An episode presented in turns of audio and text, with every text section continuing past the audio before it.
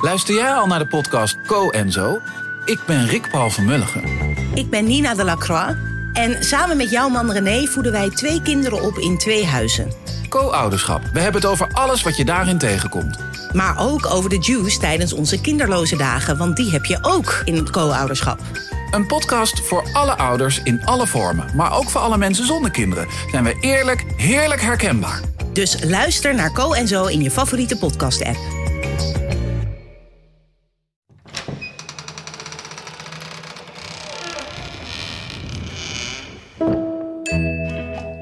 Welkom bij de derde bonusaflevering van Echt Gebeurd. Om ons 15-jarig bestaan te vieren zetten we 15 maandagen lang een mooi verhaal uit onze beginjaren opnieuw op de podcast. Dus hier is een verhaal dat Natja Schijvenschuren in december 2012 vertelde tijdens een verhalenmiddag met het thema Duisternis. Het verscheen eerder als aflevering 52.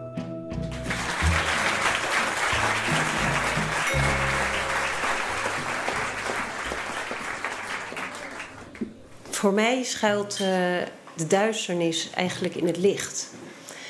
En ik zal jullie vertellen waarom. Toen ik 19 was, kwam ik terecht op een vakantieplek die echt geweldig was. Uh, er waren allemaal cursussen. Uh, er was dansen tot diep in de nacht. Um, Iedereen deed het met iedereen. Het was een fantastische sfeer. Uh, we deden cursussen lichaamswerk. En ik kwam eindelijk in mijn echte emoties terecht. En bevrijdde me van alles wat mijn moeder me ooit had geleerd en aangedaan. En ik was gewoon zo gelukkig. Het was zo'n ontzettend fijne tijd. En dat was bij de organisatie Het Fun. Nou ja, een betere naam kon eigenlijk niet. Het was alleen maar leuk. En ik had ineens honderd uh, nieuwe vrienden. Uh, het was fantastisch. En ik wilde natuurlijk meer. Dus ook daarna, na die vakantie, ben ik allemaal cursussen gaan doen. En uh, cursussen als wakker worden. Dan bleven we de hele nacht wakker. En dan was dat goed om je, um, ja, al je barrières en je weerstand door te breken. En dan kwam je echt tot de kern. En, nou, het was echt heel geweldig. En aan het eind van zo'n weekend ontvingen we dan het licht van boven. Ik wist niet helemaal precies wat dat dan was, maar dan ging de muziek heel hard en iedereen ging dan extatisch naar huis. Dus nou ja, dat was gewoon hartstikke leuk. En ik wilde meer en meer en meer. En ik dacht, ik ga de therapeutenopleiding doen. Want dan word ik zelf ook zo'n therapeut. En dan kan ik daar mijn leven van maken. En dan zal ik altijd zo gelukkig zijn. Dus uh, dat deed ik. En de leidster van die club, want die was eerst een beetje op de achtergrond, maar die kwam steeds meer op de voorgrond. Dat was uh, Jacqueline. En ja, dat was zo'n mooie vrouw. Die wist alles. Die wist gewoon alles. En, en ze vertelde daar ook over. En, en ik, ik kon alles vragen. En, en anderen deden dat ook. En ik leerde heel veel. En ik, ik, op een gegeven moment wist ik ook hoe dingen zaten in het leven. En, en dat was natuurlijk heel fijn ook om, om te delen. Maar ook gewoon ja, dat je eindelijk die onzekerheid uh, een beetje kwijtraakt. Maar ik was nog wel een hele kleine speler. Het, het bleek toch wel dat er een hele erge hiërarchie uh, was in die club. Die heette inmiddels de Lichtschool. Dus hè, het ging toch wel meer, meer die kant op dan het theaterstuk. Dat, dat was eigenlijk wel een beetje weg.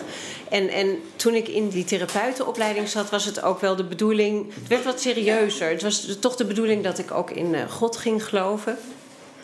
Dan ben ik heel streng atheïstisch opgevoed. Dus dat was echt een hele tour om, uh, ja, om dat te doen. Maar dat is in een jaar of zo wel gelukt. dat kan dus, hè? Je kan jezelf dat dus gewoon. Dat heb ik echt gewoon zelf gedaan. Met, met hun hulp natuurlijk, maar wel. Ineens geloofde ik dus in God. En, en we ontvingen natuurlijk steeds ook het licht van God en zo. Dat hielp natuurlijk heel veel. En. Um, nou ja, ik, ik wilde eigenlijk steeds dichter bij Jacqueline komen. Want ik had wel door van nou daar, daar draait het om. Zij is de bron en het licht en de waarheid en de weg. En, en ik wilde steeds dichterbij, maar ik was echt een, een no-no. Ik was echt het sukkeltje van de groep. En ik, ik durfde ook niks. Ik vond het ook allemaal vreselijk eng. We gingen elkaar ook de hele tijd de waarheid zeggen. En zij wist ook alles. Dus zij vertelde dan van ja, jouw essentie is... Nou, dankbaarheid bijvoorbeeld. Of nou ja, dankbaarheid was, was, klinkt heel mooi, maar dat bedoelde ze zo van ja, jij bent zelf niks, dus jij moet alles ontvangen. Dus nee, maar dit is echt waar. En, en, en soms keek ze je ook helemaal niet aan, want dan was je er niet echt. En dan zag ze je dus ook niet. Dus ik voelde me daar altijd heel erg uh, klein en onbeduidend. En ik wilde ook zo graag, ik wilde ook gewoon echt heel graag bij haar zijn. En dat, dat, dat zij mij ook gelijkwaardig zag, bijna. Nou ja, dat was ondenkbaar natuurlijk, maar wel bijna. En, en je had echt van die cirkels. Zij, en dan had ze ja, haar gezin met, met een paar mensen met wie ze dan woonde, een aantal mannen. En dan hadden ze, uh, waren er wat, wat intieme vrienden. En dan had je de therapeutengroep, zeg maar. Maar daar waren dan ja, ook weer hele lichte mensen. Die kwamen allemaal uit de zevende hemel. Want de wereld was uitge uh, ja, ontstond eigenlijk uit zeven hemelen en zeven hellen. En ik kwam geloof ik uit de vierde hel. En, en... Maar dat, uh, dat, had, nee, dat was allemaal. Ik zie, ik zie wat jij niet ziet, dus ik wist dat niet uh, zeker. Maar dat, dat werd me verteld. Dus zij, zij, kwam uit de zevende hemel. En, en er waren nog meer mensen, een paar. Vier of zo, die dat ook hadden. En, en dat waren echt hele bijzondere mensen. En ik wilde dat natuurlijk ook wel. Maar ja, ik was echt voor een dubbeltje geboren, dus dat ging echt niet gebeuren. Dus ja, wat er ook werd, af en toe gingen er mensen weg uit die groep. En dat ging nooit zonder slag of stoot. Dat was echt, dat, dat was echt heel erg als dat gebeurde. Want dat betekende, kijk, de wereld was eigenlijk plat. En, en wij zaten op die pannenkoek, zou ik maar zeggen, de platte wereld, en daar was het licht. En wij waren eigenlijk als enige van Nederland zo hoog in het licht dat wij daarop zaten. Maar je kon daar ook dus afvallen. En als je daar eenmaal afviel, dan, dan kon je echt nooit meer, in ieder geval dit leven, niet meer daarop komen. Dan bleef je dus voor altijd in het duister. En het duister is eigenlijk deze wereld. De wereld van de slapende mensen. En mensen die eigenlijk dood zijn, emotioneel. En mensen die alles verkeerd omzien. He, want wij zagen alles hoe het werkelijk was. En de gewone mensen, die zagen alles omgekeerd. Dus als je er ook uitging, dan zag je daarna ook omgekeerd. Dus die mensen dachten ook dat wij een secte waren of uh, hè, dat wij uh, raar deden. Maar dat was natuurlijk niet zo. zij zagen het allemaal verkeerd. Dus eigenlijk was het ook niet eens heel zielig. Als je er eenmaal uitging, had je als mazzeltje dat je alles toch andersom zag. Dus dan was het ook niet zo heel erg. Dus ja, nou ja, mensen gingen en kwamen. Maar als iemand wegging, dan laat, dat was al ietsje verder. Toen was ik al ietsje dichterbij. Was ik ietsje, durfde ik wel eens een vraag te stellen, zeg maar, zo dichtbij. Van, uh, ik heb last van mijn schouder, wat zou dat zijn? En dan gingen ze helder kijken. En dan zeiden ze, nou, je hebt wel heel veel op je schouders. Dat soort niveau, zeg maar. En um, ik had ook twee kleine kinderen inmiddels. Want iedereen had, uh, iedereen had kinderen en een gezin, dus dat had ik ook uh, snel geregeld. En um, op een gegeven moment werd ik dus wel uh, lichter. En, en dan krijg je last van elementale. Dat zal ik even uitleggen, want volgens mij is het een zelfverzonnen term, maar dat weet ik niet zeker.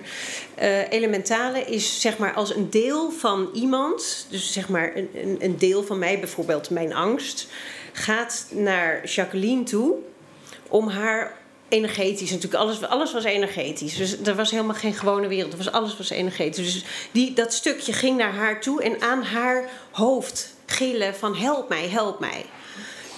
En dat uitte zich dan bij haar in heel erg hoofdpijn. En daar kon ze niks aan doen. En dat, als mensen dus weggingen, raakten ze zo in paniek dat ze dat allemaal gingen doen. Dus ze, zij had eigenlijk altijd hoofdpijn van die mensen. En als je heel dicht bij haar stond, dan kreeg je dat ook als je ook heel licht was. Dus iedereen wilde natuurlijk eigenlijk. Ja, mensen zeiden dan tegen mij: nee, jij hebt dat nog niet, want jij bent nog niet zo licht. Dus dan wilde iedereen wilde eigenlijk heel graag ook hoofdpijn hebben. Want dan hoorde je erbij. Dat, dat was een soort van statusding. Nou ja, dat is natuurlijk het recept om iedereen uh, aan de hoofdpijn te krijgen. En het was niet alleen hoofdpijn, soms liep iedereen ineens zo helemaal schuin. Hebben jullie ook zo'n last van Jelmer? Ja, was het dan. Of uh, hebben jullie ook zo'n pijn in je ogen? Ja, dat is omdat Thea je ogen uit wil steken. Dat soort dingen. Het werd echt, uh, echt serieus uh, zaken was dit. En dan op een gegeven moment was iemand echt te erg. Die bleek dan zo donker, dat, ja, die was reddeloos. En die ging dan weg. En ik was natuurlijk heel erg bang om ook om ook ooit weg te gaan. Maar ja, want ja, dood en, en duister en in slaap, dat wilde natuurlijk niemand. En ik al helemaal niet. En, en wij gingen ook eh, het land in allemaal. We gingen allemaal verhuizen uit Amsterdam naar de provincie. En ik ging naar Alkmaar.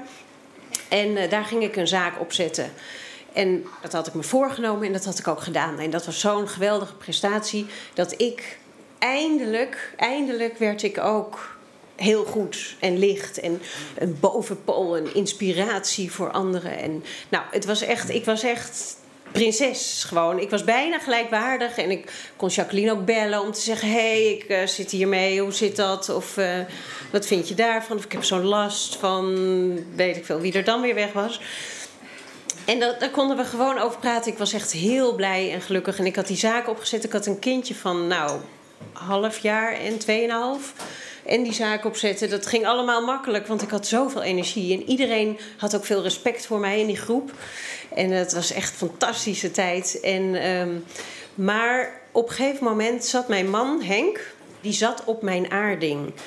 En, en toen ging het natuurlijk helemaal mis. Want uh, ja, hij was iets van 130 kilo, een hele zware man. En, en hij ging daar niet af en ik uh, kon dus niet meer terug op de aarde komen. En, en ik ging dus flippen en nou, ik, ik veroorzaakte dus elementale. Dat was echt heel erg. Ze belde me dag en nacht op. Oh, we liggen allemaal te kotsen. Wat ben je aan het doen?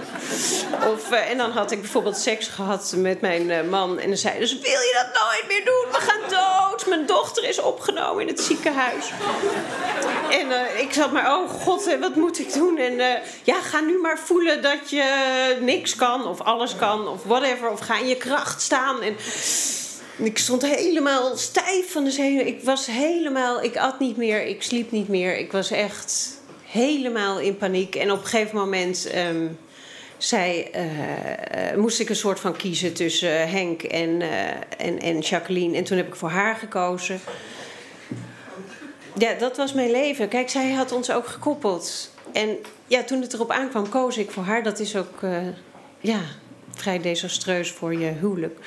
Dus toen gingen we uit elkaar en toen, uh, toen was zij heel blij. En toen zei ze: Oh, ik ben zo gelukkig voor je dat je eindelijk van die man af bent. Wat zijn nu je plannen? En toen zei ik: Nou ja, eerst maar weer eens uh, op eigen benen.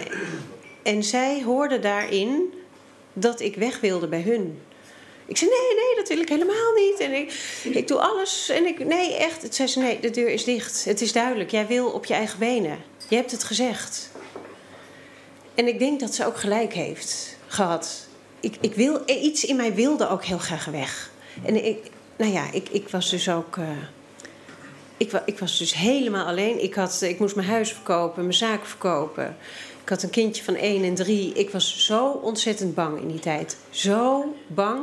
Ik dacht namelijk dat ik dood was en in slaap. En dat ik nooit meer iemand zou ontmoeten waar ik vriendschap mee kon hebben. Of waar ik, nou ja, de waarheid mee kon delen.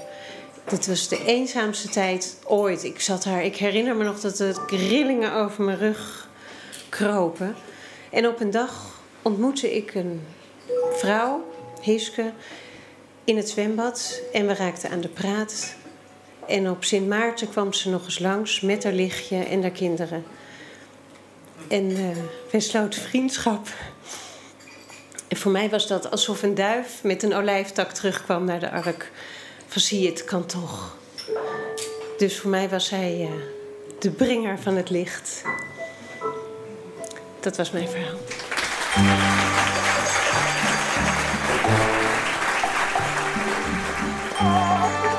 Dat was een verhaal van Nadja Schijvenschuurder uit 2012.